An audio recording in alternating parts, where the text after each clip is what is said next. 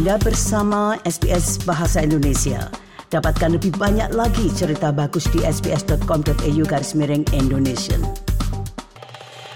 Pajak keuntungan modal pendengar atau CGT ini adalah pajak yang diterapkan atas keuntungan yang diperoleh dari penjualan aset. Jika Anda memperoleh penambahan modal atau keuntungan saat menjual suatu aset, hal ini akan berkontribusi terhadap keseluruhan kewajiban pajak yang harus Anda selesaikan. Pajak ini tercakup dalam laporan pajak penghasilan Anda yang diajukan setelah berakhirnya tahun keuangan Australia, yakni pada tanggal 30 Juni.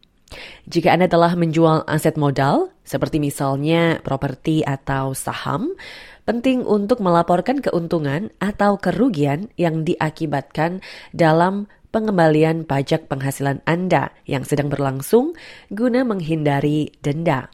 Berikut ini rangkuman khusus Australia Explained yang disusun oleh Ruchika Talwar. Meskipun CGT mempunyai nama tersendiri, namun ini menjadi bagian dari pajak penghasilan Anda. Wajib pajak Australia wajib melaporkan keuntungan dan kerugian modal dalam laporan pajak penghasilan mereka dan selanjutnya memenuhi kewajiban perpajakan yang terkait dengannya. Kantor Pajak Australia atau ATO mendengar mengendalikan semua aspek perpajakan dan juga pengumpulan pendapatan di Australia. Kebanyakan orang menggunakan jasa akuntan untuk mengajukan laporan pajak tahunan mereka. Manoj Gupta adalah seorang akuntan yang berbasis di Melbourne. Ia menjelaskan tentang CGT dan cara pemberlakuannya. Uh, capital gains tax is uh, a tax basically that is, is levied by the government, which is on the sale of any assets, uh, and it is on the profit that we make on the sale of those assets. And those assets can be uh, property, shares, nowadays cryptocurrency or any um, any other assets, and it would include foreign assets in foreign country as well. Aset tersebut ditambahkan ke penghasilan kena pajak Anda untuk tahun keuangan yang terkait, termasuk gaji atau upah atau pendapatan bisnis Anda dan keuntungan yang diperoleh dari penjualan aset. Kewajiban CGT pada dasarnya adalah jumlah pajak yang terhutang atas penjualan suatu aset dan dihitung berdasarkan tarif pajak penghasilan pribadi dari si wajib pajak. So if if a taxpayer uh, sells any asset, let's take an example of a property because that's a very common asset that's being sold uh, over the years. Uh, so if someone sells a property uh, and uh, regardless whether they make a profit or not, it has to be reported in their personal tax return, which all the taxpayers do prepare and lodge their tax returns every year. Untuk memastikan Anda memenuhi kewajiban dan membayar jumlah pajak yang tepat, Anda perlu menghitung keuntungan atau kerugian modal pada setiap aset yang dilepaskan, kecuali ada pengecualian yang berlaku. Tim Law Asisten Komisaris dari ATO menjelaskan cara penghitungan kewajiban pajak ini. Let's say, for example, Nuri buys some shares for $5,000. She owns the shares for six months and sells them for $5,500. And assuming she's got no other capital gains or losses, Nuri would have to declare a capital gain of $500 uh, in her tax return and should pay tax on this gain at her individual income tax rate. Meskipun CGT ini dikenakan atas keuntungan yang diperoleh dari sebagian besar penjualan real estate, beberapa di antaranya dikecualikan sepenuhnya. Mr. Gupta menjelaskan berikut ini. In general, uh, principal place of residence is exempt from capital gains tax. So, if uh, uh, an individual is living, they bought the property, and from from the date of acquisition, they are uh, living in that property, and they sold the property while they were living in it. And regardless of the uh, capital gain amount, that amount is exempt from capital gains tax. Dalam banyak kasus pendengar, Anda juga bisa mendapatkan diskon atas CGT yang harus Anda bayarkan. Ketika Anda melepas suatu aset, Anda dapat mengurangi kewajiban pajak keuntungan modal sebesar 50% jika Anda telah memiliki aset tersebut setidaknya selama 12 bulan dan merupakan wajib pajak Australia. Dalam beberapa kasus di mana orang mencoba menghindari pajak keuntungan modal ini, ATO dapat menerapkan sanksi. Mr. Law menjelaskan bagaimana ATO menerapkan pengaturan pencocokan data untuk mengawasi perilaku keuangan yang mencurigakan dan pajak keuntungan modal yang tidak dilaporkan. To ensure that people are doing the right thing, we'll receive income data and other data from a range of organisations such as banks, you know, state revenue offices, land title offices, you know, insurance companies, share registries. Uh, we even get information from uh, sharing economy platforms like Uber and Airbnb to make sure people uh, are, are complying with their obligations in relation to their tax affairs. Terdapat sanksi yang signifikan jika wajib pajak tidak menyatakan keuntungan modal mereka dalam laporan pajaknya.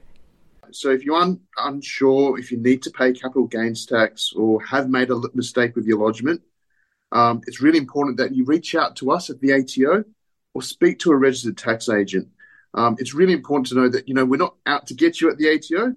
Uh, we really want to. Uh, we're really here to support you. Uh, get it right the first time uh, when it comes to lodging your tax returns. Sanksi karena menghindari pajak keuntungan modal, sama seperti pajak lainnya, dihitung berdasarkan kekurangan pajak yang dibayarkan dan perilaku individu. Persentase denda yang dikenakan berbeda-beda untuk setiap jenis perilaku. Selain denda pendengar, ETO juga dapat mengenakan bunga atas kekurangan pajak. Mr. Law mengatakan bahwa berdasarkan kasus per kasus, dendanya ini bisa berkisar antara 25 hingga 100 persen dari kekurangan pajak. If you are engaging in tax evasion, the penalties can be significant. It really depends on the type of behaviour that you're engaging in.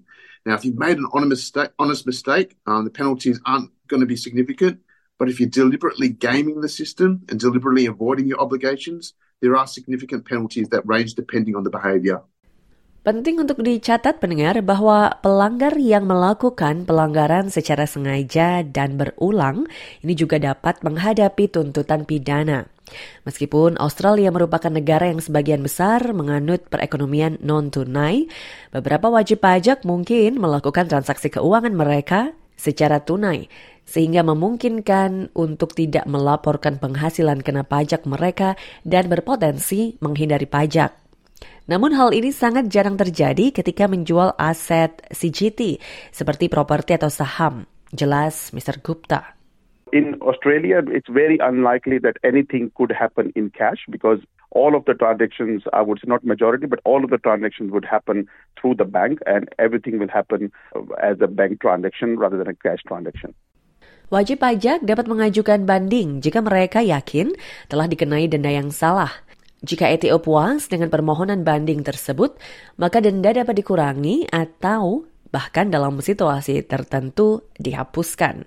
Uh, typically, you need to um, object to your assessment uh, or your tax return, as in in colloquial terms, uh, and and go through that process uh, to uh, appeal against the penalty or the tax liability at hand. Mr. Law menekankan bahwa mematuhi semua kewajiban perpajakan termasuk CGT ini sangatlah penting karena pajak memainkan peran penting dalam mendukung masyarakat kita. You know, when you don't pay uh, your taxes, you know, each of us suffer. Um, it means our schools and hospitals don't get as much funding, uh, which means less teachers and less doctors and nurses for the Australian community. Bertentangan dengan persepsi umum pendengar yang mengatakan bahwa pajak ini hanya dibayarkan jika ada keuntungan, dalam beberapa kasus, CGT perlu dibayarkan meskipun terjadi kerugian. Ini disebut kerugian modal. Konsultan IT yang berbasis di Brisbane, V. Subramanya, menjual properti investasinya dengan kerugian. Meskipun ia memperkirakan tidak mempunyai tanggung jawab CGT, Etio memiliki pandangan yang berbeda.